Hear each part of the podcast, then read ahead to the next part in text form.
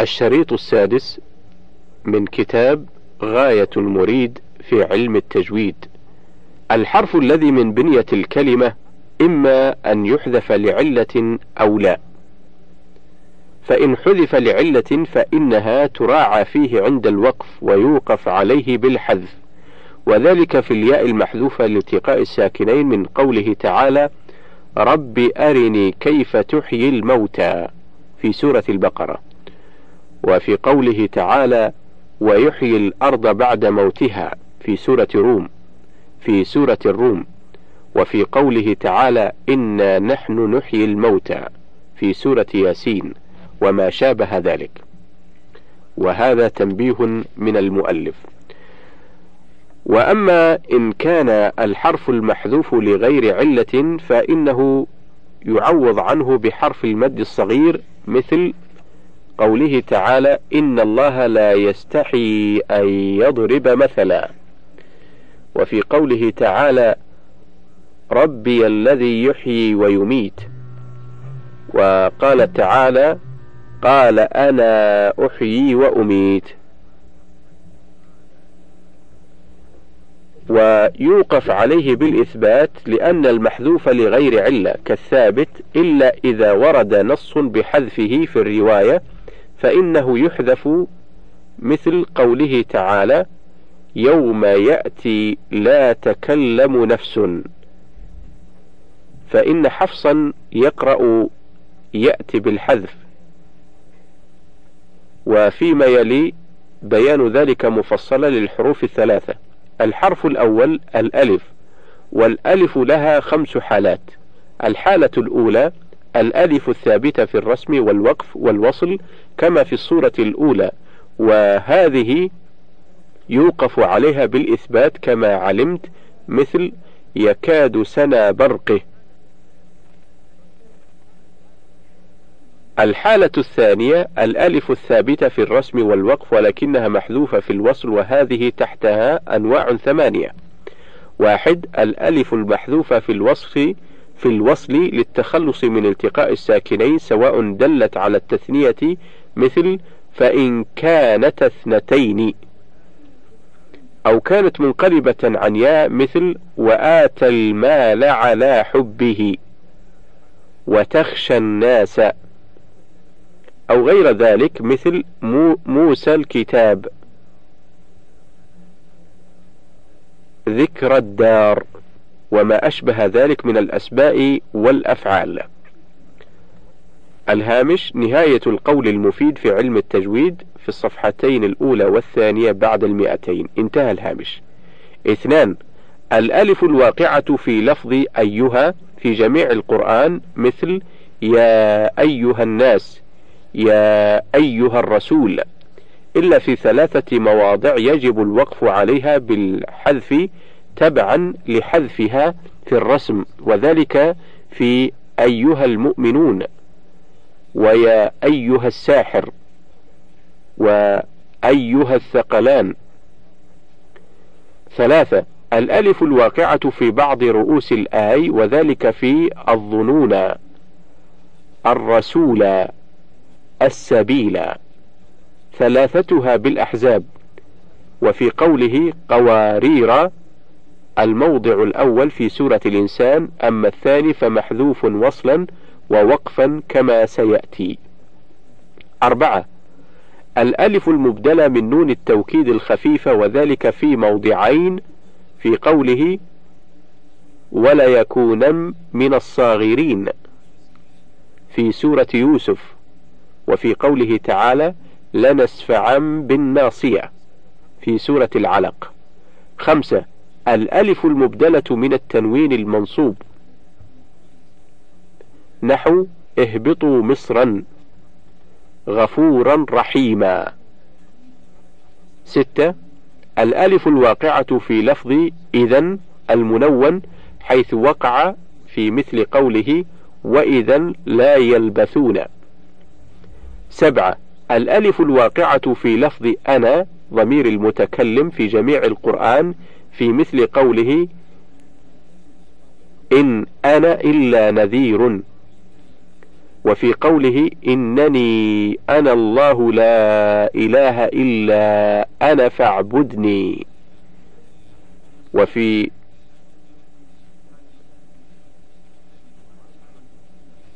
الحالة الثامنة الألف الواقعة في لفظ لكن في قوله تعالى لكن هو الله ربي في سورة الكهف فالألف الواقعة في كل هذه الأنواع في كل هذه الأنواع ثابتة في الوقف لثبوتها في الرسم ومحذوفة وصلا. الحالة الثالثة الألف الثابتة في الرسم والمحذوفة في الوصل ويجوز الوجهان ويجوز الوجهان فيها وقفا أي الإثبات والحذف وذلك في لفظ واحد هو سلاسل في قوله سبحانه إنا أعتدنا للكافرين سلاسل في سورة الإنسان.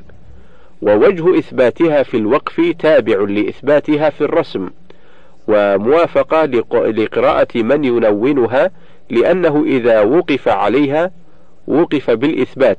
وأما وجه الحذف فعلى خلاف القاعدة ومراعاة للوصل لأنها إذا وصلت حذفت. الهامش من كتاب العميد في علم التجويد في الصفحة الخامسة والتسعين بعد المئة. انتهى الهامش. الحالة الرابعة الألف الثابتة في الرسم والمحذوفة في الوقف والوصل على خلاف القاعدة وذلك في لفظين أحدهما ثمود وذلك في أربعة مواضع. واحد في قوله تعالى ألا إن ثمود كفروا ربهم. في سورة هود في الموضع الثاني. اثنان وعادا وثمود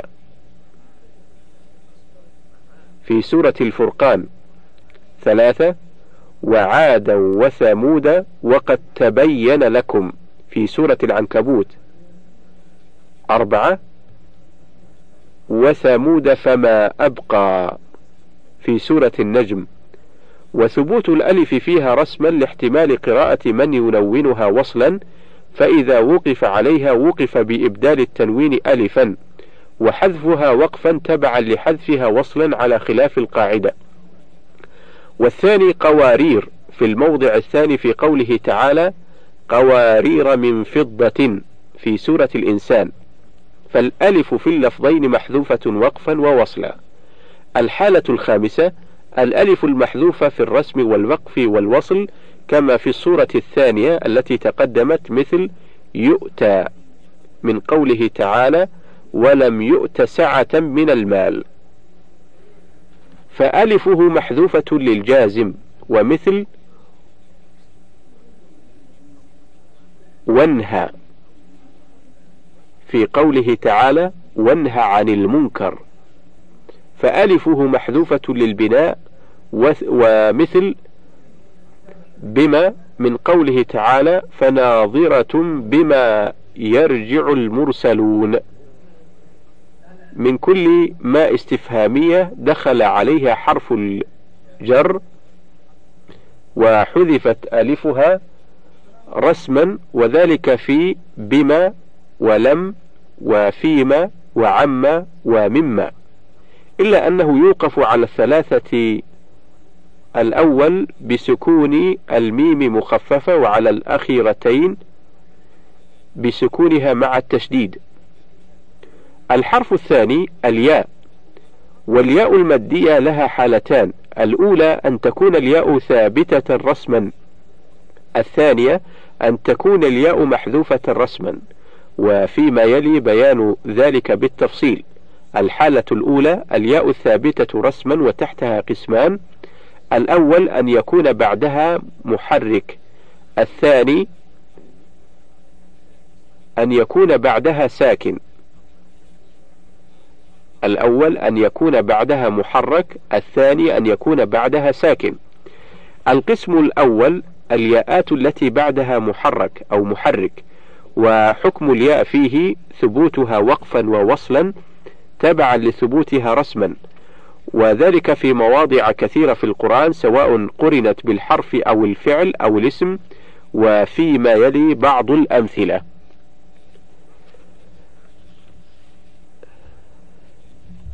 قال تعالى وإني أعيذها بك وذريتها من الشيطان الرجيم.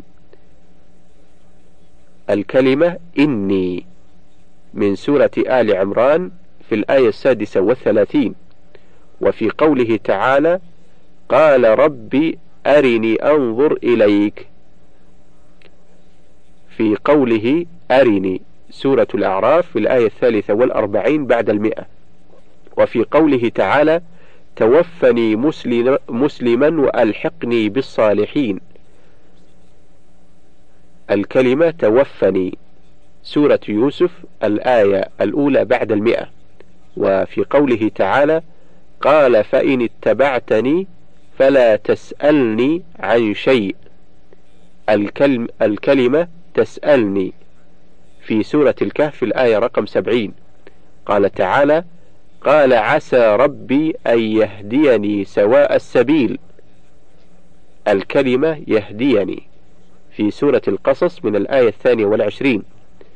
وقال تعالى قال عيسى بن مريم للحواريين من أنصاري إلى الله. الكلمة أنصاري سورة الصف الآية الرابعة عشرة.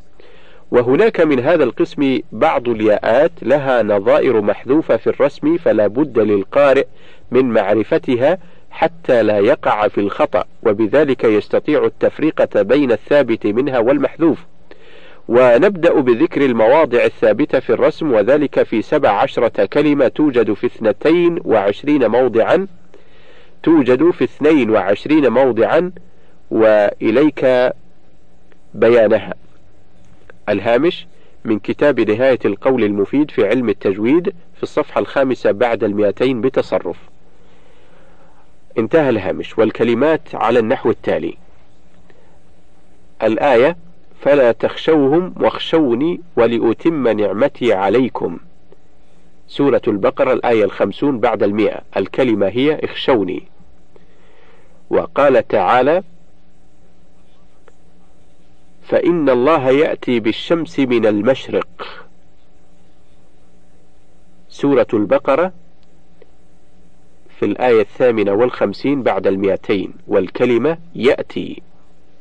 وفي قوله تعالى يوم يأتي بعض آيات ربك. سورة الأنعام الآية الثامنة والخمسون بعد المئة الكلمة هي يأتي أيضا. وقال تعالى هل ينظرون إلا تأويله؟ يوم يأتي تأويله.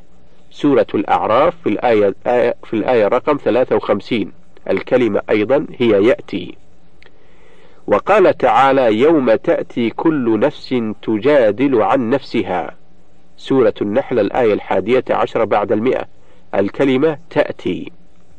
وقال تعالى فاتبعوني يحببكم الله ويغفر لكم ذنوبكم. سورة آل عمران الآية الواحدة والثلاثون والكلمة فاتبعوني. وقال تعالى وإن ربكم الرحمن فاتبعوني وأطيعوا أمري.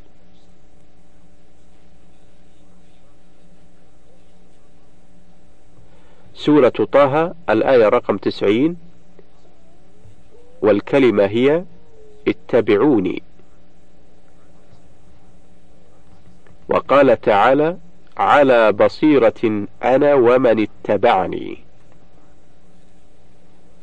على بصيرة أنا ومن اتبعني. سورة يوسف الآية الثامنة بعد المئة. الكلمة اتبعني. وقال تعالى قل إنني هداني ربي إلى صراط مستقيم. سورة الأنعام الآية الواحدة والستون بعد المئة. الكلمة هي هداني. وقال تعالى أو تقول لو أن الله هداني لكنت من المتقين. سورة الزمر الآية السابعة والخمسون. الكلمة هداني. وقال تعالى عسى ربي أن يهديني سواء السبيل. سورة القصص الآية الثانية والعشرون. الكلمة يهديني. وقال تعالى من يهدي الله من يهدي الله فهو المهتدي. سورة الأعراف الآية الثامنة والسبعون بعد المئة. الكلمة المهتدي. وقال تعالى إن كنتم في شك من ديني فلا أعبد إلا فلا أعبد الذين تعبدون من دون الله. سورة يونس الآية الرابعة بعد المئة. الكلمة ديني. وقال تعالى قل الله أعب قل الله أعبد مخلصا له ديني. سورة الزمر الآية الرابعة عشرة. الكلمة ديني. وقال تعالى من دونه فكيدوني جميعا ثم لا تنظرون.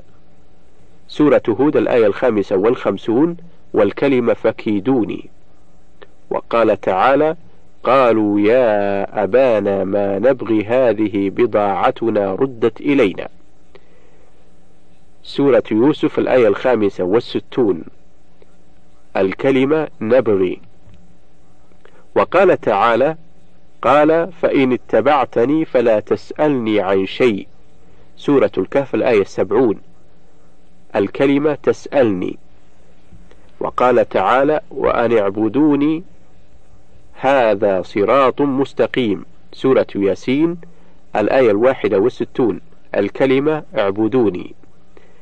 وقال تعالى واذكر عب واذكر عبادنا إبراهيم وإسحاق ويعقوب أولي الأيدي والأبصار.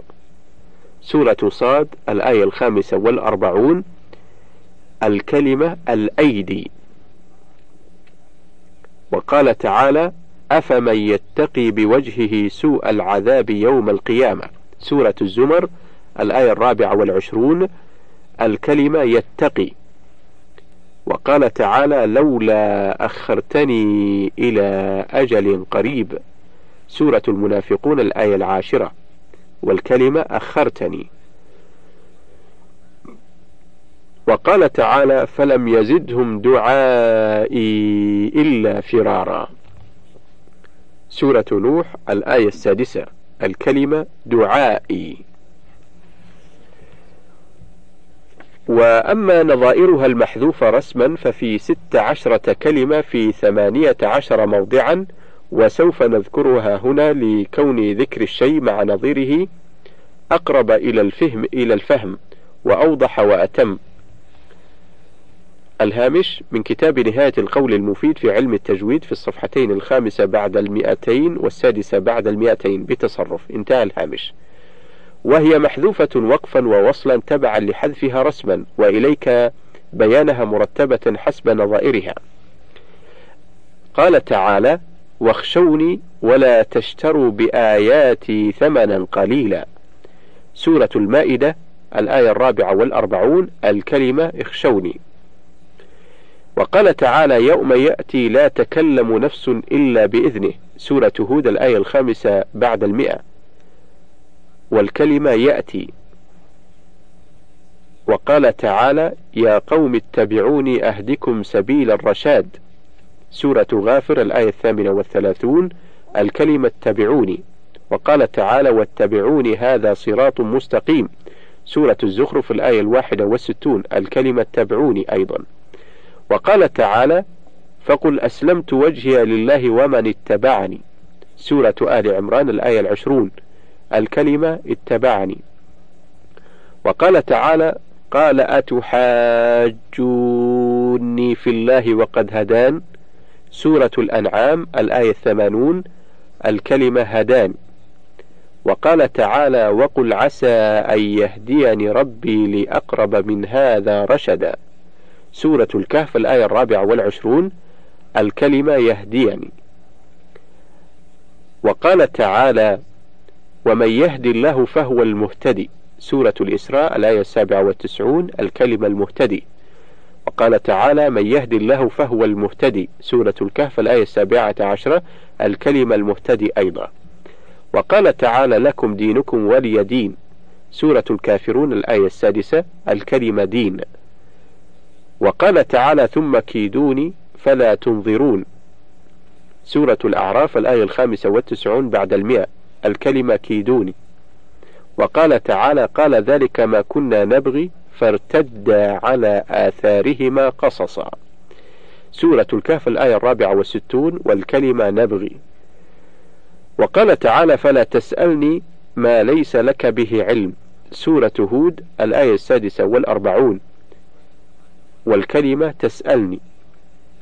وقال تعالى وأنا ربكم فاعبدون. سورة الأنبياء الآية الثانية والتسعون الكلمة فاعبدون وقال تعالى واذكر عبدنا داود ذا الأيد إنه أواب سورة صاد الآية السابعة عشرة الكلمة الأيدي وقال تعالى إنه من يتقي ويصبر سورة يوسف الآية التسعون والكلمة يتقي وقال تعالى لئن أخرتني إلى يوم القيامة سورة الإسراء الآية الثانية والستون والكلمة أخرتني وقال تعالى ربنا وتقبل دعاء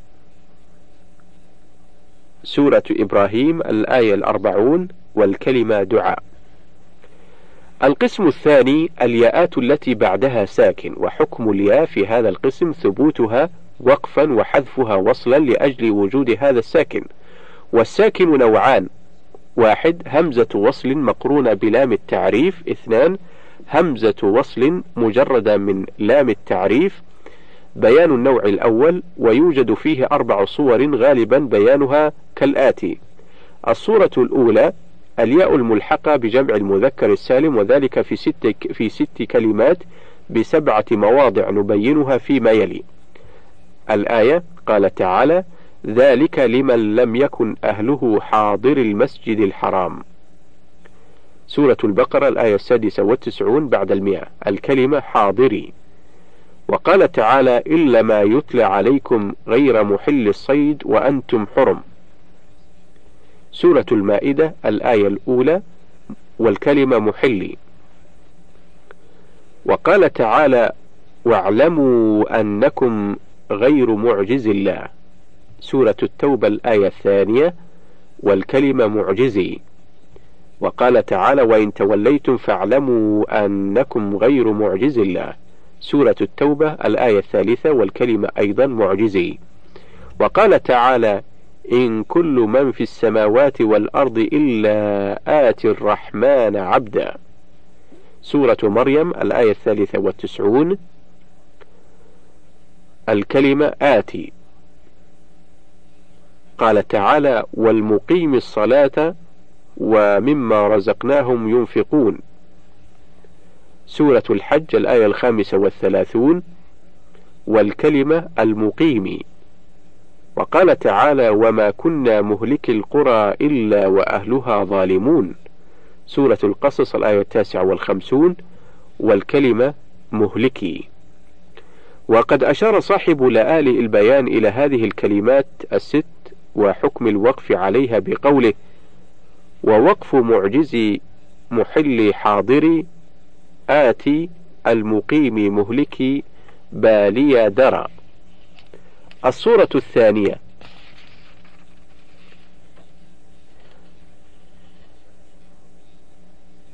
وقد أشار صاحب لآل البيان إلى هذه الكلمات الست وحكم الوقف عليها بقوله ووقف معجزي محلي حاضري آتي المقيم مهلكي بالياء درى. الصورة الثانية الياء الملحقة بالمصدر نحو عهدي. من قوله تعالى قال لا ينال عهد الظالمين. في سورة البقرة ونحو بهادي. من قوله تعالى وما أنت بهادي العمي عن ضلالتهم. في سورة النمل. السورة الثالثة الياء الملحقة بالفعل نحو يربي من قوله تعالى ويربي الصدقات في سورة البقرة ونحو تغني من قوله تعالى وما تغني الآيات والنذر في سورة يونس. السورة الرابعة الياء الملحقة بالأسماء عموما نحو مخزي من قوله تعالى وأن الله مخزي الكافرين. في سورة التوبة ونحو أيدي من قوله تعالى يخربون بيوتهم بأيديهم وأيدي المؤمنين في سورة الحشر. بيان النوع الثاني ويوجد في ياءات الإضافة السبعة الآتية في قوله تعالى إني اصطفيتك على الناس برسالاتي وبكلامي. سورة الأعراف الآية الرابعة والأربعون بعد المئة والكلمة هي إني. وقال تعالى هارون أخي اشدد به أزري. سورة طه الآية الثلاثون والواحدة والثلاثون. والكلمة هي أخي. وقال تعالى واصطنعتك لنفسي اذهب أنت وأخوك بآياتي. سورة طه الآية الواحدة والأربعون والثانية والأربعون. والكلمة لنفسي. وقال تعالى ولا تنيا في ذكري اذهبا إلى فرعون إنه طغى. سورة طه الآية الثانية والأربعون والثالثة والأربعون. والكلمة هي ذكري.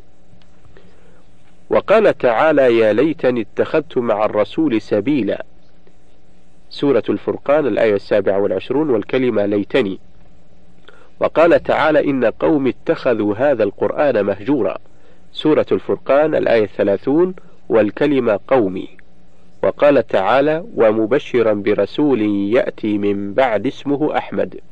سورة الصف الآية السادسة والكلمة بعدي. الحالة الثانية الياء المحذوفة رسما وهي على ثلاثة أقسام. واحد قسم تحذف فيه الياء وصلا ووقفا تبعا لحذفها رسما. اثنان قسم تثبت فيه الياء وصلا وتحذف وقفا تبعا لحذفها رسما. ثلاثة قسم تثبت فيه الياء وصلا ومختلف في إثباتها وحذفها وقفا. وفيما يلي بيان الأقسام الثلاثة بالتفصيل. القسم الأول ويشتمل على أنواع ثلاثة. النوع الأول الياء المحذوفة رسما من الأسماء المنقوصة لأجل التنوين نحو زان من قوله تعالى والزانية لا ينكحها والزانية لا ينكحها إلا زان في سورة النور. ونحو كاف من قوله تعالى من قوله تعالى أليس الله بكاف عبده؟ في سورة الزمر. وكل ما شابه ذلك فهو محذوف الياء وصلا ووقفا تبعا لحذفها رسما.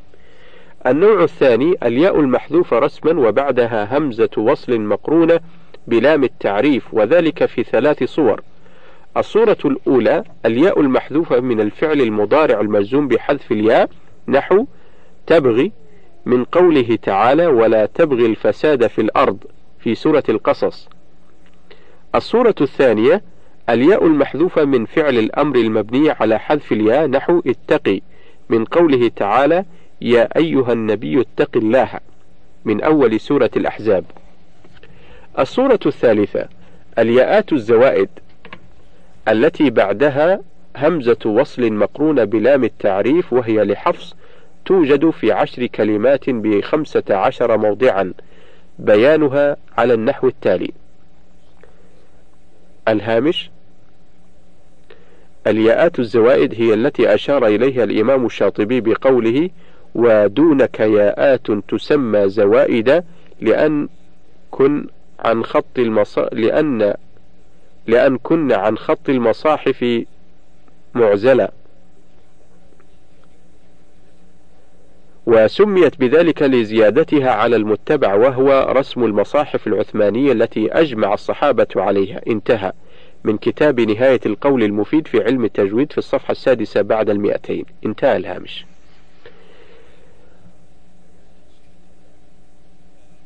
وبيان تلك الكلمات العشر في خمسة عشر موضعا على النحو التالي. قال تعالى وسوف يؤتي الله المؤمنين أجرا عظيما. من سورة النساء الآية السادسة والأربعون بعد المئة. الكلمة يؤتي. وقال تعالى فلا تخشوهم واخشوني اليوم أكملت لكم دينكم. من سورة المائدة الآية الثالثة. والكلمة اخشوني. وقال تعالى كذلك حقا علينا ننجي المؤمنين. سورة يونس الآية الثالثة بعد المئة. الكلمة ننجي. وقال تعالى إنك بالوادي المقدس طوى. سورة طه الآية الثانية عشرة والكلمة الوادي. وقال تعالى فلما أتاها نودي من شاطئ الوادي الأيمن. سورة القصص الآية الثلاثون الكلمة الوادي. وقال تعالى إذ ناداه ربه بالوادي المقدس طوى. سورة النازعات الآية السادسة عشرة الكلمة الواد. وقال تعالى حتى إذا أتوا على وادي النمل. سورة النمل الآية الثامنة عشرة والكلمة أيضا الوادي. وقال تعالى وإن الله لهادي الذين آمنوا. سورة الحج الآية الرابعة والخمسون والكلمة هادي. وقال تعالى وما أنت بهادي العمي عن ضلالتهم.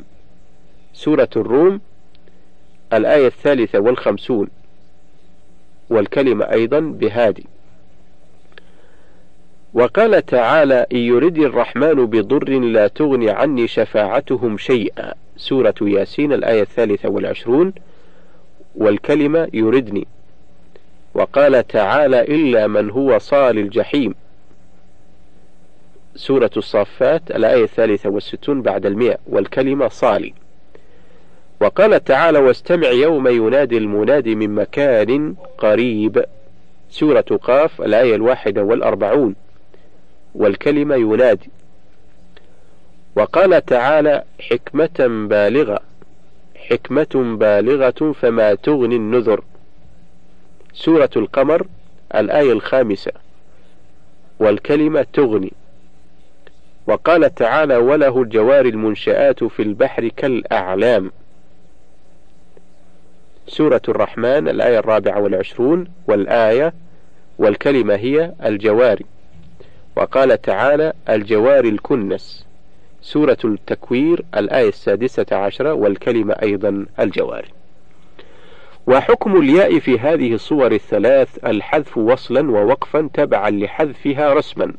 ويلحق بها لفظ عباد من قوله تعالى فبشر عباد الذين يستمعون القول في سورة الزمر. النوع الثالث ويوجد في صورتين الصورة الأولى الياء المحذوفة من الاسم المضاف إلى ياء المتكلم سواء حذفت منه ياء النداء أم ذكرت معه وسواء أتى بعده همزة وصل أم حركة. فالذي حذفت منه ياء النداء وجاء بعده همزة وصل نحو قوله تعالى رب ابني ربي رب ابن لي عندك بيتا في الجنة في سورة التحريم والذي بعده حركة نحو قوله تعالى رب أرني كيف تحيي الموتى في سورة البقرة. وأما الذي ذكرت معه ياء النداء فإما أن يأتي بعده همزة وصل مجردة من لام التعريف نحو قوله تعالى قل يا قوم اعملوا على مكانتكم في سورة الزمر. وإما أن يأتي بعده همزة وصل مقرونة بلام التعريف نحو قوله تعالى قل يا عبادي الذين آمنوا اتقوا ربكم في سورة الزمر. وإما أن يأتي بعده محرك نحو قوله تعالى يا عبادي فاتقون. سورة الزمر أيضا. ويستثنى من ذلك قوله تعالى يا عبادي الذين.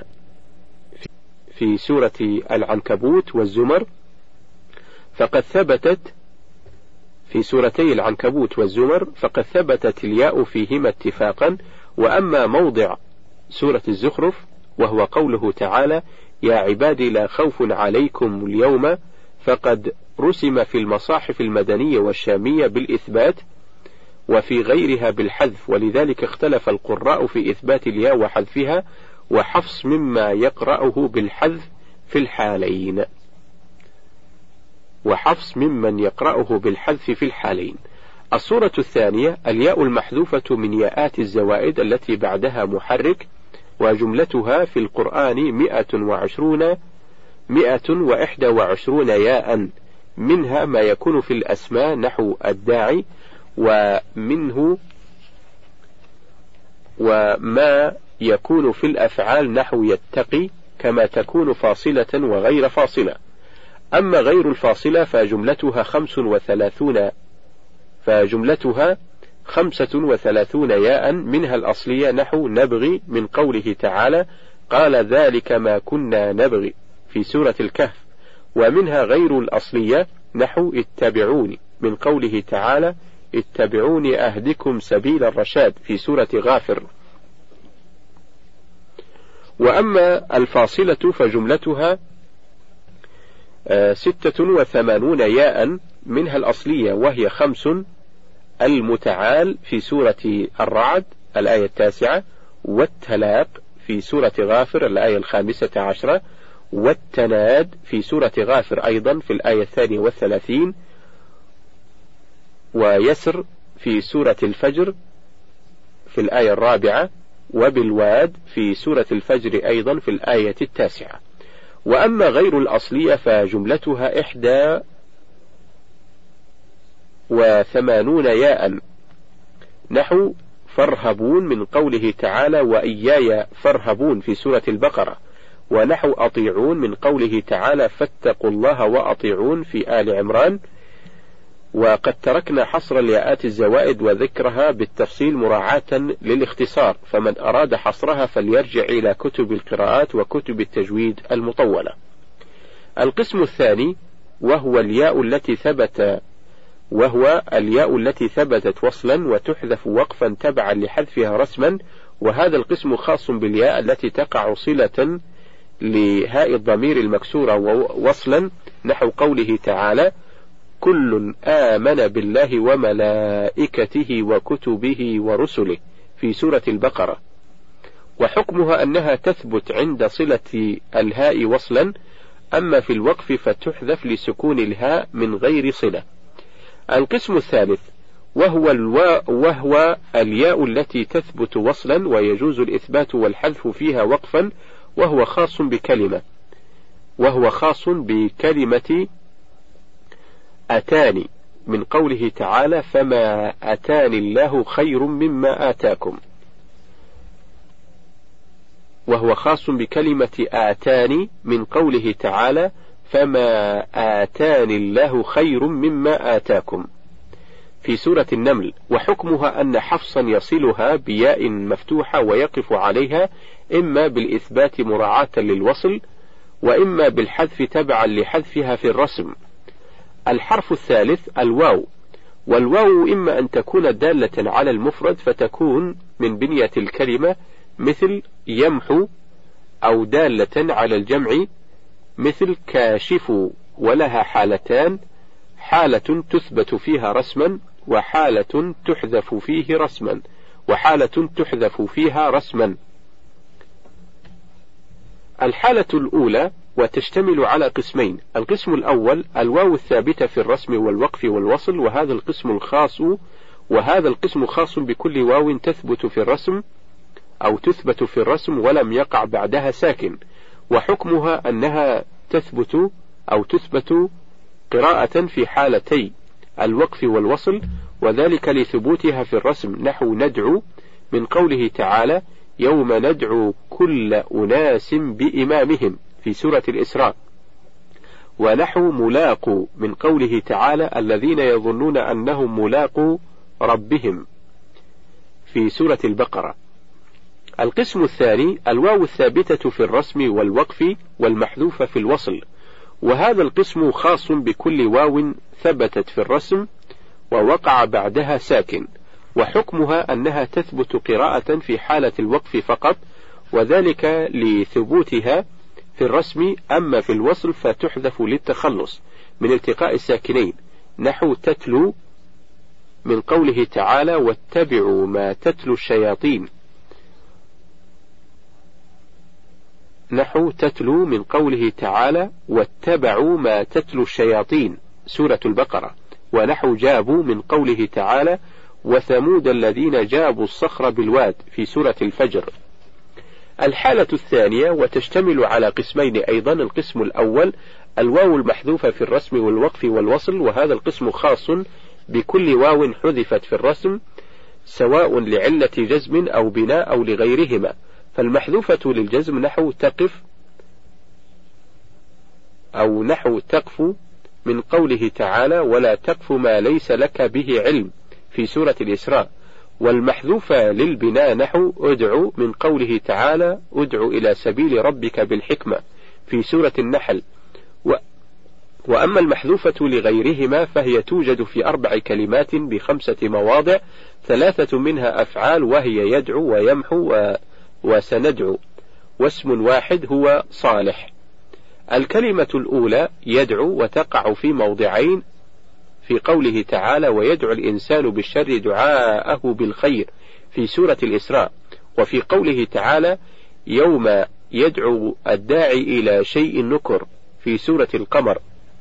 الكلمة الثانية يمحو من قوله تعالى ويمحو الله الباطل في سورة الشورى. الكلمة الثالثة سندعو من قوله تعالى سندعو الزبانية في سورة العلق.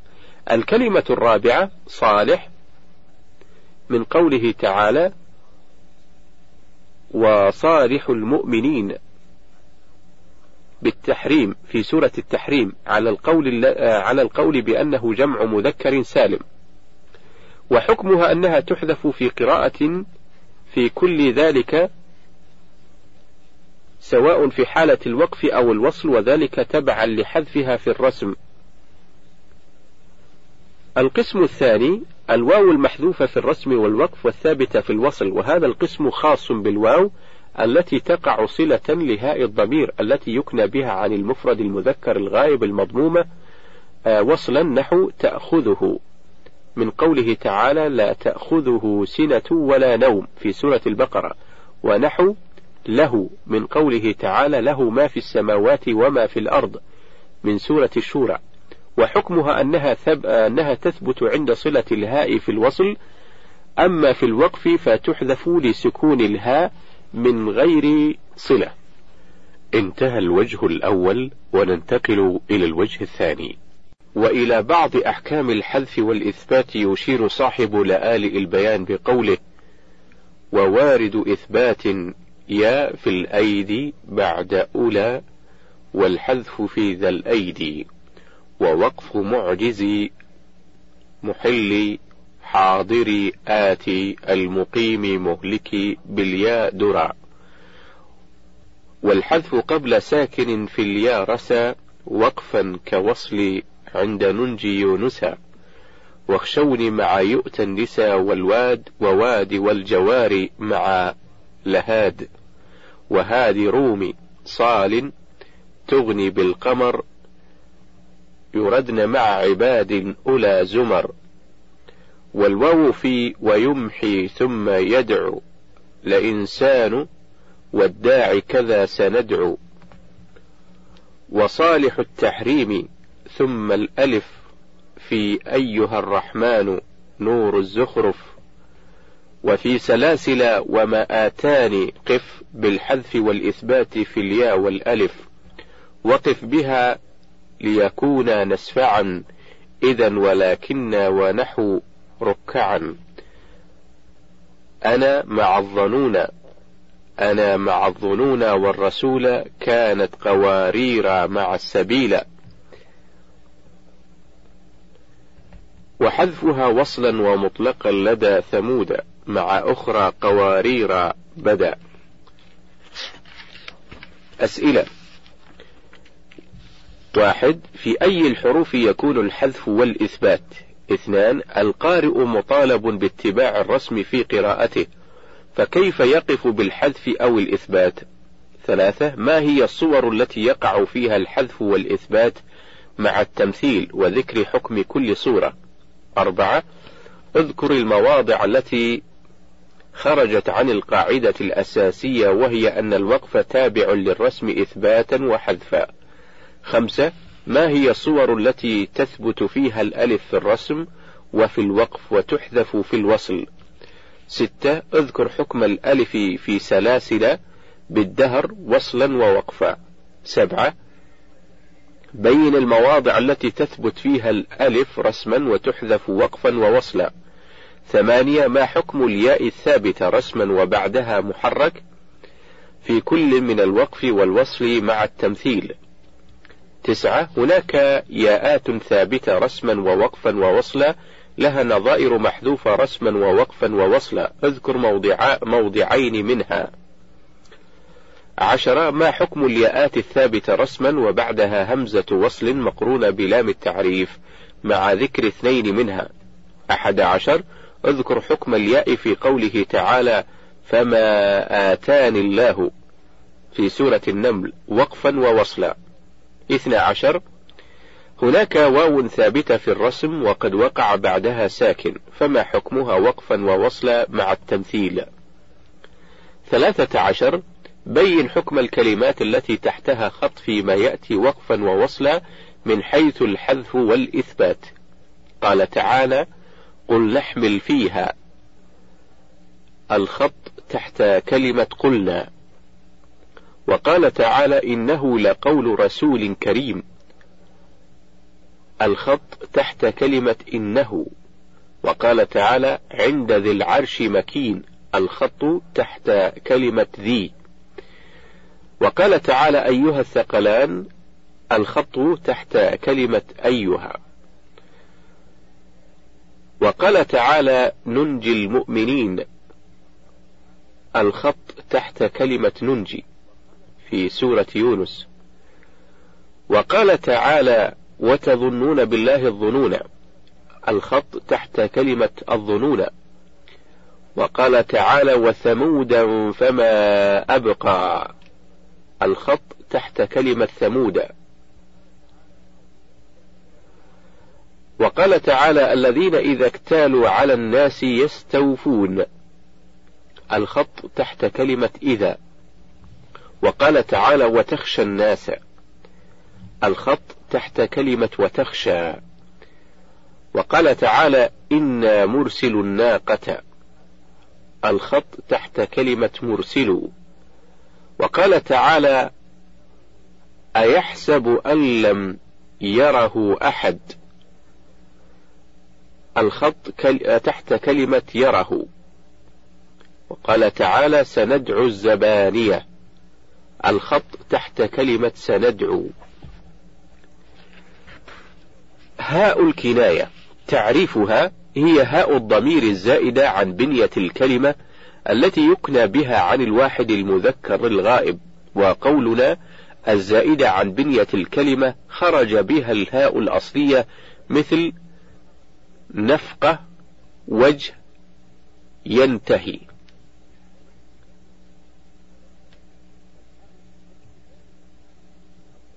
فالهاء في مثل ذلك كله أصلية لأنها من نفس الكلمة وليست بهاء ضمير.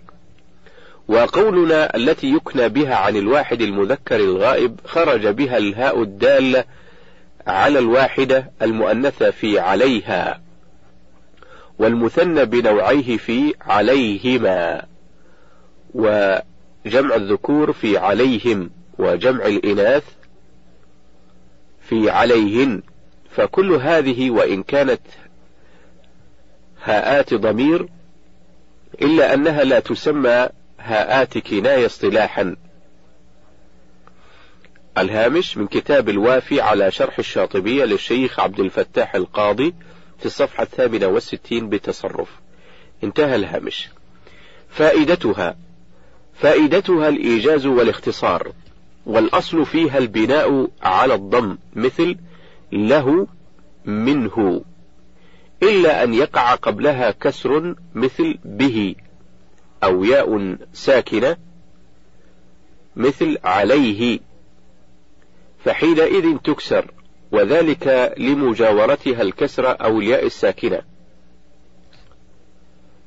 الهامش من كتاب نهاية القول المفيد في علم التجويد في الصفحة الثامنة والأربعين بعد المئة بتصرف.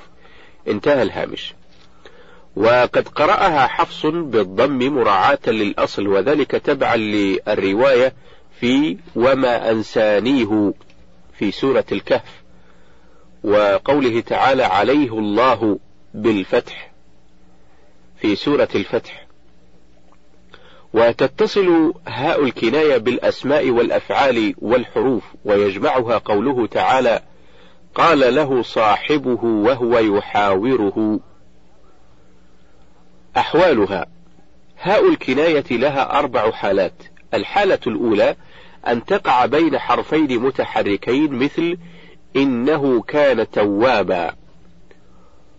وفي قوله تعالى يضل به كثيرا ويهدي به كثيرا وما يضل به إلا الفاسقين.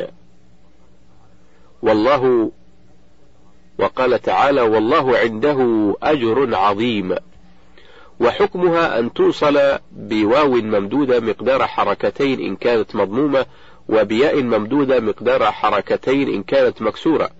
هذا إذا لم يقع بعدها همز فإذا وقع بعدها همز كما في الآيتين السابقتين فيكون المد حينئذ من باب المد المنفصل.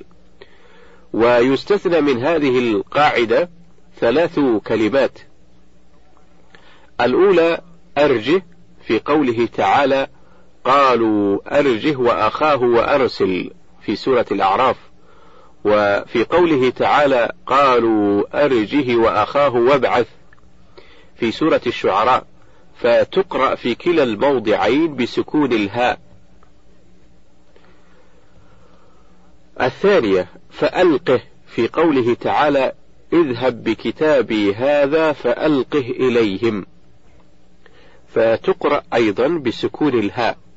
الثالثة يرضى في قوله تعالى وإن تشكروا يرضه لكم. فتقرأ بضم الهاء من غير صلة والمراد بالصلة إشباع الضمة حتى تتولد منها واو ساكنة مدية وإشباع الكسرة حتى تتولد منها ياء ساكنة مدية وهذه الصلة تثبت في حالة الوصل وتحذف في حالة الوقف. الحالة الثانية أن تقع بين ساكنين مثل شهر رمضان الذي أنزل فيه القرآن. وكذا في قوله تعالى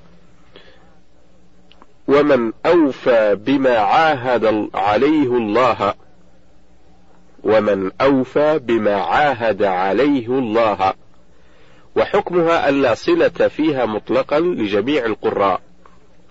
الحالة الثالثة أن يكون قبلها متحرك وبعدها ساكن مثل تبارك الذي بيده الملك. وحكمها عدم الصلة كالحالة التي قبلها لئلا يجتمع ساكنان على غير حدهما. الهامش إتحاف فضلاء البشر في القراءة الأربع عشر للشيخ البنا في الصفحة الرابعة والثلاثين. انتهى الهامش. وحكمها عدم صلة كالحالة التي قبلها لئلا يجتمع ساكنان على غير حدهما حيث لا يجتمعان إلا في حالة الوقف. الحالة الرابعة أن يكون قبلها ساكن وبعدها متحرك مثل ذلك الكتاب لا ريب فيه هدى للمتقين. وكذا في قوله تعالى خذوه فغلوه وحكمها عدم الصلة لحفص إلا في موضع واحد في سورة الفرقان وهو قوله تعالى يضاعف له العذاب يوم القيامة ويخلد فيه مهانا فتقرأ بالصلة وذلك تشنيعا بحال العاصي. ملحوظة كل هاء ضمير تقرأ بالصلة يكون بعدها واو صغيرة أو ياء صغيرة حسب حركتها إشارة إلى المد لأن حرف المد محذوف رسما فعوض عنه بالحرف الصغير. أسئلة واحد عرف هاء الكناية ثم بين محترزات التعريف. اثنان في أي أنواع الكلمة تأتي هاء الكناية وما فائدتها؟ ثلاثة إذا وقعت هاء الكناية بين حرفين متحركين فما حكمها مع التمثيل؟ أربعة بين حكم هاء الكناية بين حكم هاء الكناية إذا وقع قبلها ساكن وبعدها متحرك مع التمثيل. خمسة ما الإشارة التي توضع في المصحف بعد هاء الكناية التي حكمها صلة. ستة استخرج هاءات الكناية مما يأتي. يأتيه فواكه إليه إن ربه تنتهي هداه أو هداه بمثله نفقة يأخذه وجه. سبعة بين حكم هاء الكناية في الأمثلة الآتية. قال تعالى واجعله ربي رضيا وقال تعالى فليلقه اليم وقال تعالى إنه لقول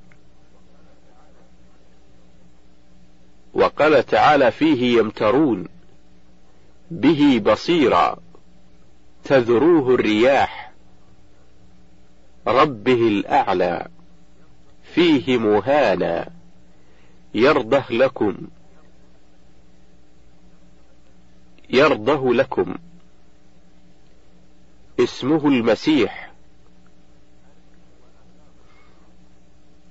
أرجه وأخاه من قبله لمن الضالين. الوقف والابتداء. تمهيد. القارئ للقرآن الكريم لا يستطيع أن يقرأ السورة أو القصة منه في نفس واحد علما بأنه لم يجز التنفس بين الكلمتين حالة الوصف حالة الوصل ولا في أثناء الكلمة. لهذا فقد وجب اختيار وقف للتنفس والاستراحة وتعين على القارئ أن يرتضي ابتداء بعد التنفس والاستراحة بشرط ألا يكون ذلك مما يخل بالمعنى أو الفهم حتى يظهر إعجاز القرآن أو حتى يظهر إعجاز القرآن. ومن أجل هذا كله فقد حض الآئمة على تعلم الوقف والابتداء ومعرفته معرفة تامة. الهامش من كتاب النشر في الجزء الأول في الصفحة السادسة عشرة بعد الثلاثمائة بتصرف. انتهى الهامش.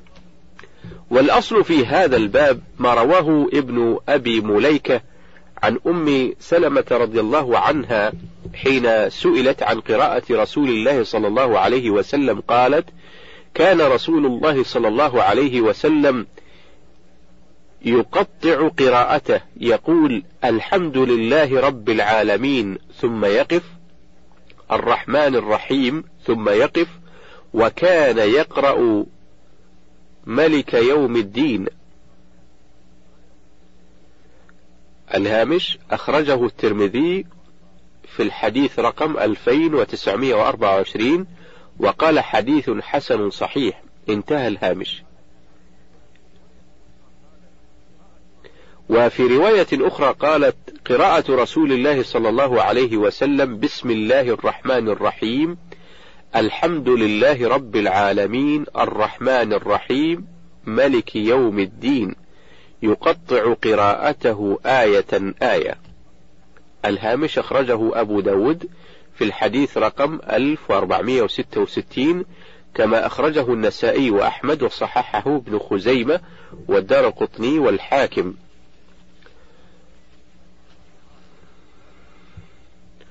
وراجع جامع الأصول في أحاديث الرسول بتحقيق عبد القادر الأرناؤوط في الجزء الثاني في الصفحة الثالثة والستين بعد الأربعمائة.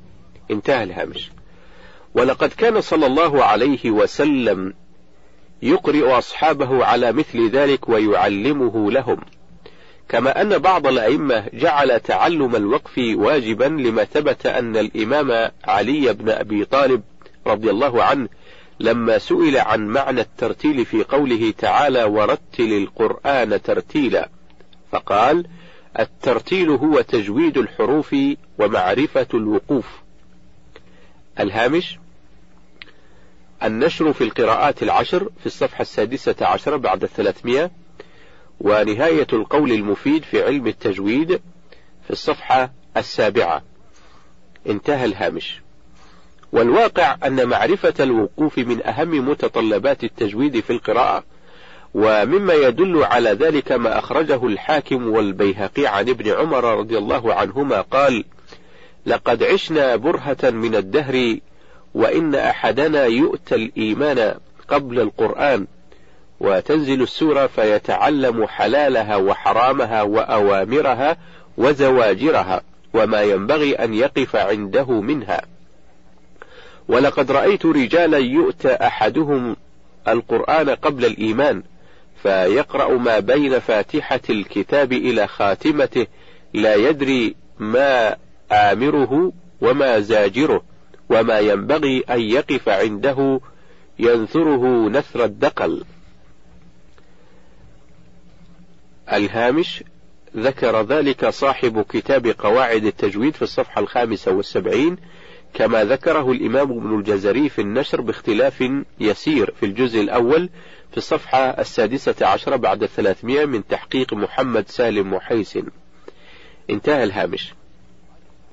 فقد شبه رضي الله عنه عدم عنايتهم بالقراءة حيث يرسلونها مملوءة بالأخطاء وعدم تمام الوقوف بنثر التمر الرديء اليابس. الهامش قال ابن الجزري في النشر ففي كلام علي رضي الله عنه دليل على وجوب تعلمه ومعرفته وفي كلام ابن عمر برهان على أن تعلمه إجماع من الصحابة رضي الله عنهم. راجع النشر في الجزء الأول في الصفحة السادسة عشرة بعد الثلاثمائة. انتهى الهامش. ومما تقدم يتضح لنا أن الوقف والابتداء كان محل عناية رسول الله صلى الله عليه وسلم والصحابة رضوان الله عليهم لما يترتب عليه من إيضاح المعاني القرآنية للمستمع.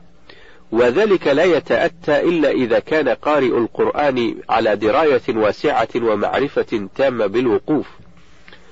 وقد أدرك المتقدمون ما للوقف والابتداء من أهمية كبرى حتى إنهم أفردوه بالتأليف.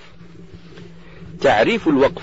الوقف لغة الحبس والكف. يقال وقف الشيء أي حبسه. ويقال أوقفت الدابة أي كففتها عن المشي. واصطلاحا قطع الصوت عن الكلمة القرآنية زمنا يتنفس فيه القارئ عادة بنية استئناف القراءة إما بما يلي الكلمة الموقوف عليها أو بها أو بما قبلها وليس بنية الإعراض عنها. ويأتي في رؤوس الآ ويأتي في رؤوس الآي وأواسطها ولا بد معه من التنفس ولا يأتي في وسطه الكلمة ولا يأتي في وسط الكلمة ولا فيما اتصل رسما. الهامش من كتاب نهاية القول المفيد في علم التجويد في الصفحة الثالثة والخمسين بعد المئة بتصرف. انتهى الهامش. فلا يصح الوقف على أين من قوله تعالى أينما يوجهه بالنحل في سورة النحل لاتصاله رسما. حكم الوقف الوقف جائز ما لم يوجد ما يوجبه أو يمنعه.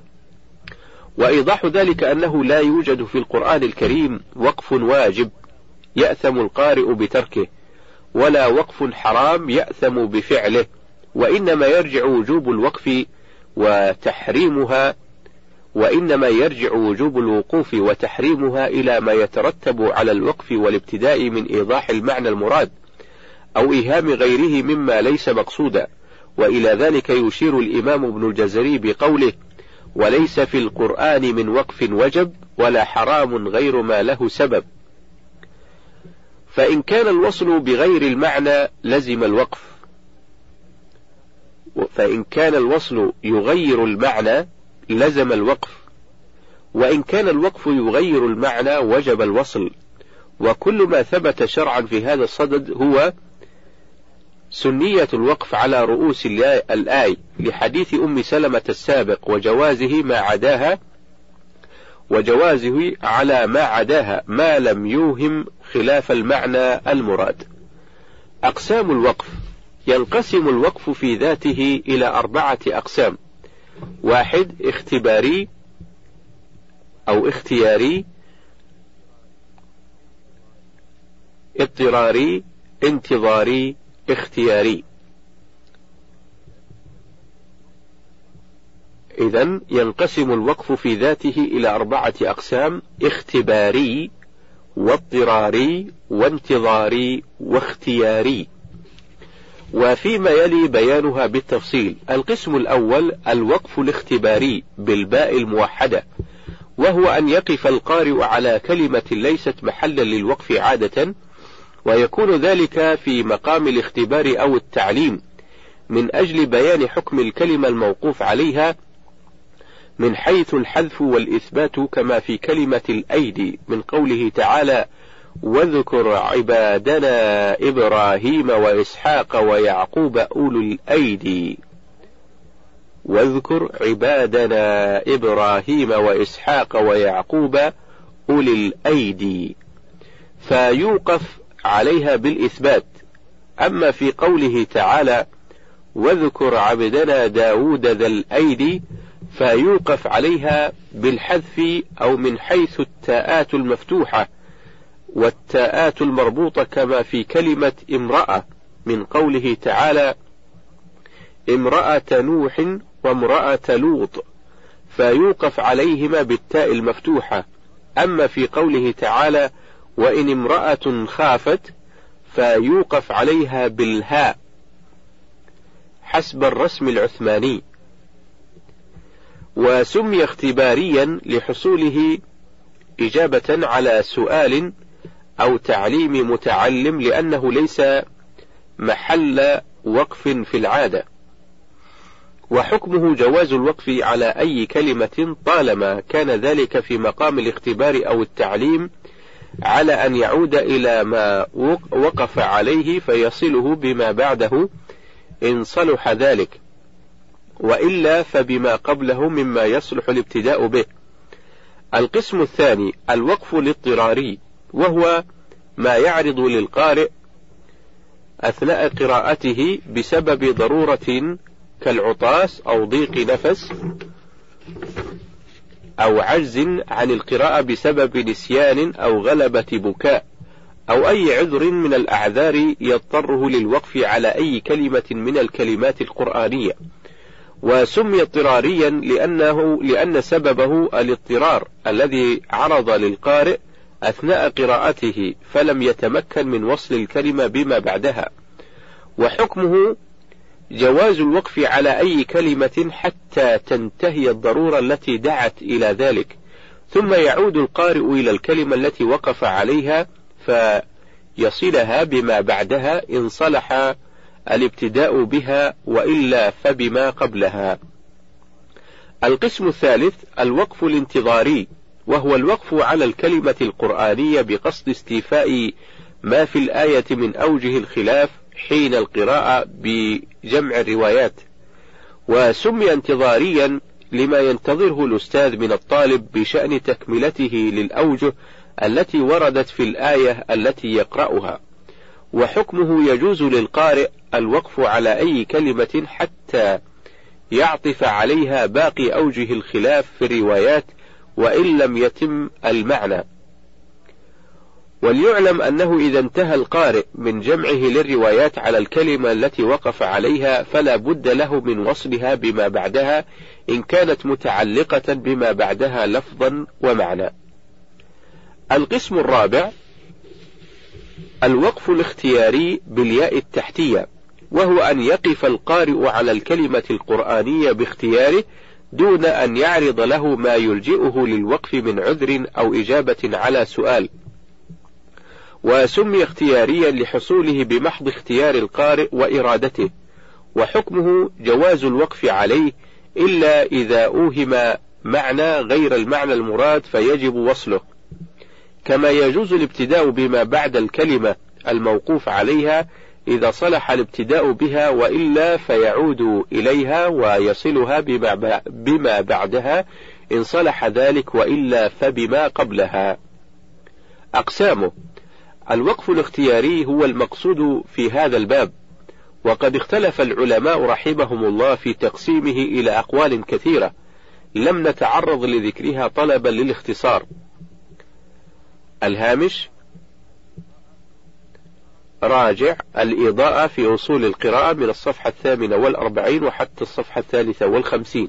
انتهى الهامش. وسنكتفي بذكر أشهرها وأعدلها وهو ما ذكره الإمام الداني والمحقق ابن الجزري من أن الوقف الاختياري ينقسم إلى أربعة أقسام تام كاف أو تام وكاف وحسن وقبيح. وها هو ابن الجزري يشير إلى أقسامه الأربعة فيقول وبعد تجويدك للحروف لابد من معرفة الوقوف. والابتداء وهي تقسم إذا ثلاثة تام وكاف وحسن وهي لما تم فإن لم يوجد تعلق أو كان معنى فابتدأ.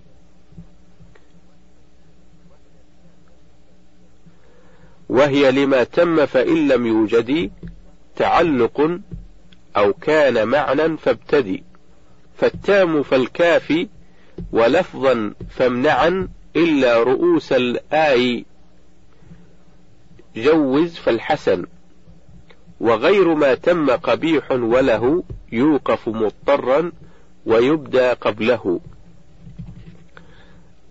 الهامش من كتاب نهاية القول المفيد في علم التجويد في الصفحة الرابعة والخمسين بعد المئة. انتهى الهامش. وفيما يلي الكلام بالتفصيل على كل قسم من هذه الأقسام الأربعة. القسم الأول الوقف التام. تعريفه هو الوقف على كلام تام في ذاته ولم يتعلق بما بعده مطلقا. لا من جهة اللفظ ولا من جهة المعنى وتحته نوعان. النوع الأول هو الذي يلزم الوقف عليه والابتداء بما بعده لأنه لو وصل أو لو وصل بما بعده لأوهم وصله معنى غير المعنى المراد. ومن أجل هذا يسميه بعضهم باللازم وبعضهم بالواجب. ويطلق على هذا النوع التام المقيد أي المقيد باللازم أو الواجب. أمثلته. قوله تعالى فلا يحزنك قولهم. فالوقف على قولهم لازم لأنه لو وصل بما بعده لأوهم أن جملة إنا نعلم ما يسرون وما يعلنون من مقول الكافرين وهو ليس كذلك. وكذا قوله تعالى إنما يستجيب الذين يسمعون. فالوقف على يسمعون لازم لأنه لو وصل بما بعده لأوهم أن الموت من قوله تعالى والموتى يبعثهم الله يشتركون مع الأحياء في الاستجابة. حكمه يلزم الوقف عليه ويلزم الابتداء بما بعده ومن أجل هذا سمي لازما. وعلامته وضع ميم أفقية هكذا بين قوسين ميم على الكلمة التي يلزم الوقف عليها. ومن أجل هذا كله نجد أن بعض العلماء قسم الوقف الاختياري إلى خمسة أقسام واعتبر الوقف اللازم قسما مستقلا من أقسامه كالإمام السجاوندي والشيخ محمد خلف الحسيني. كما يسميه بعضهم بوقف البيان لأنه يبين معنى لا يفهم بدونه كالوقف على قوله تعالى وتعزروه وتوقروه فالضمير فيهما للنبي صلى الله عليه وسلم والضمير في وتسبحوه بعدها لله تعالى والوقف على وتوقروه هو الذي يظهر هذا المعنى المراد. الهامش من كتاب الإضاءة في أصول القراءة في الصفحة الواحدة والخمسين. انتهى الهامش. النوع الثاني هو الذي يحسن الوقف عليه ويحسن الابتداء بما بعده ومعنى هذا أنه يجوز وصله بما بعده طالما أن وصله لا يغير المعنى الذي أراده الله تعالى ويسميه بعضهم بالتام المطلق.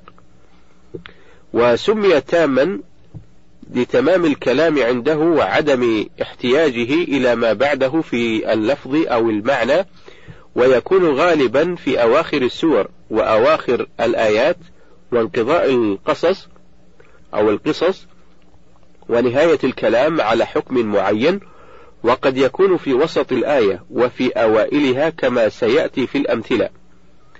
أمثلته هذا النوع يأتي على أربع صور. الصورة الأولى يكون على رأس الآية كما في قوله تعالى: وأولئك هم المفلحون. وهي نهاية الآيات المتعلقة بأحوال المؤمنين وما بعدها خاص بأحوال الكافرين. الصورة الثانية يكون قبل نهاية الآية كما في قوله تعالى الذين يبلغون رسالات الله ويخشونه ولا يخشون أحدا إلا الله وهذا آخر الثناء على الأنبياء والمرسلين الذين جعل الله لرسوله بهم قدوة ثم يقول وكفى بالله حسيبا. الصورة الثالثة يكون في وسط الآية كما في قوله تعالى لقد أضلني عن الذكر بعد إذ جاءني. وهذا نهاية كلام الظالم. ثم يقول المولى عز وجل وكان الشيطان للإنسان خذولا. الصورة الرابعة يكون في أول الآية كما في قوله تعالى وإنكم لتمرون عليهم مصبحين وبالليل. وهي تمام الكلام وإن كان مصبحين هو رأس الآية. حكمه يحسن الوقف عليه ويحسن الابتداء بما بعده والوقف عليه أولى من الوصل. وعلامته وضع كلمة قلى بين قوسين كلمة قلى أي قاف ولام وألف لينة على الكلمة التي يحسن الوقف عليها. وهي منحوتة من عبارة الوقف أولى من الوصل. تتم في بيان معنى التعلق اعلم أن التعلق اللفظي هو أن يكون ما بعده متعلقا بما قبله من جهة الإعراب كأن يكون صفة للمتقدم أو مضافا إليه أو معطوفا عليه أو خبرا له أو مفعولا أو نحو ذلك. وأما التعلق المعنوي فهو أن يكون تعلقه من جهة المعنى فقط دون شيء من متعلقات الإعراب كالإخبار عن حال المؤمنين أول البقرة فإنه لا يتم إلا عند قوله المفلحون. والإخبار عن أحوال الكافرين لا يتم إلا عند قوله ولهم عذاب عظيم. والإخبار عن أحوال المنافقين لا يتم إلا عند قوله سبحانه إن الله على كل شيء قدير. حيث لم يبق بعده تعلق بما قبله لا لفظا ولا معنى. القسم الثاني الوقف الكافي. تعريفه هو الوقف على كلام تام في ذاته متعلق بما بعده في المعنى دون اللفظ. أمثلته الوقف على قوله تعالى أم لم تنذرهم لا يؤمنون.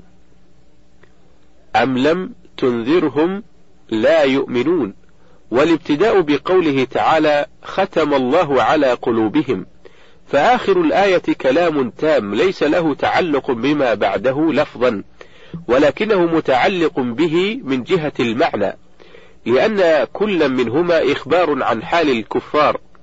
وكذلك الوقف على قوله تعالى وما هم بمؤمنين والابتداء بقوله تعالى يخادعون الله والذين آمنوا فآخر الآية كلام تام ولم يتعلق بما بعده لفظا وإن تعلق به معنى لأن كل منهما إخبار عن حال المنافقين إلى غير ذلك من الأمثلة. وقد يكون في نهاية الآية كالأمثلة السابقة كما يكون في وسطها نحو قوله تعالى يا أيها الذين آمنوا لا تقتلوا الصيد وأنتم حرم حكمه يحسن الوقف عليه والابتداء بما بعده كالوقف التام غير أن الوقف على آه، على التام غير أن الوقف على التام يكون أكثر حسنا وسمي كافيا للاكتفاء به واستغنائه عما بعده لعدم تعلقه به لفظا وهو أكثر الوقوف الجائزة ورودا في القرآن الكريم. الهامش من كتاب العميد في علم التجويد في الصفحة الخامسة والثمانين بعد المئة. انتهى الهامش. وعلامته وضع حرف الجيم هكذا بين قوسين حرف الجيم على الكلمة الموقوف عليها كما في الآية السابقة حيث قال تعالى لا تقتلوا الصيد وأنتم حرم. أو وضع كلمة صلى على الكلمة الموقوف عليها كما في قوله تعالى وتبرئ الأكمه والأبرص بإذني في سورة المائدة الآية الحادية عشرة الآية العاشرة بعد المئة. أو كلمة وكلمة صلى منحوتة من عبارة الوصل أولى من الوقف. وغير الأولى الجائز. فعلم أنه كما يجوز وصله يجوز الوقف عليه والابتداء بما بعده. ولقد أشار المحقق ابن الجزري في النشر إلى أن الوقف الكافي قد يتفاضل وذلك نحو قوله تعالى في قلوبهم مرض فهو كاف فهو وقف كاف وقوله فزادهم الله مرضا أكفأ منه. وفي قوله بما كانوا يكذبون أكفأ منهما. ثم قال رحمه الله وأكثر ما يكون التفاضل في رؤوس الآي نحو قوله تعالى ربنا تقبل منا فهو كاف. وفي قوله إنك أنت السميع العليم أكفأ منه. انتهى. منه بلفظه. الهامش النشر في القراءات العشر في الصفحة العشرون في الصفحة رقم 320 في الجزء الأول. انتهى الهامش. القسم الثالث الوقف الحسن. تعريفه هو الوقف على كلام تام في ذاته متعلق بما بعده لفظا ومعنى. وسمي حسنا لإفادته الفائدة لإفادته فائدة يحصل الوقف عليها. وحكمه يحصل الوقف عليه وأما الابتداء بما بعده ففيه تفصيل على حسب نوعه. أنواعه الوقف الحسن نوعان. النوع الأول أن يكون في أثناء الآية مثل الوقف على قوله تعالى بسم الله وعلى قوله الحمد لله في أول سورة الفاتحة فهذا كلام تام يؤدي معنى صحيحا ولكنه متعلق بما بعده لفظا ومعنى لأن الرحمن الرحيم ورب العالمين صفتان للفظ الجلالة ولا يصح فصل الصفة عن الموصوف. وحكم هذا النوع أنه يحسن الوقف عليه ولا يحسن الابتداء بما بعده اتفاقا لشدة تعلقه بما بعده لفظا ومعنى. النوع الثاني أن يكون رأس آية أن يكون رأس آية ويأتي على صورتين. الصورة الأولى أن يكون الوقف على رأس الآية لا يوهم معنى غير المعنى المراد مثل الوقف على قوله تعالى الحمد لله رب العالمين في أول الفاتحة والوقف على لعلكم تتفكرون في سورة البقرة. والوقف على يا أيها المزمل فهذه الوقوف وما ماثلها اختلف العلماء فيها على ثلاثة مذاهب.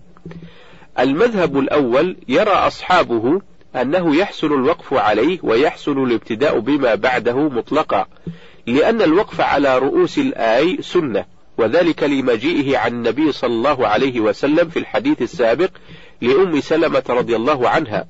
وهذا رأي أكثر أهل الأداء ومعهم الإمام المحقق ابن الجزري الهامش النشر في القراءات العشر للإمام ابن الجزري في الجزء الأول في الصفحة الثامنة عشرة بعد الثلاثمائة. انتهى الهامش.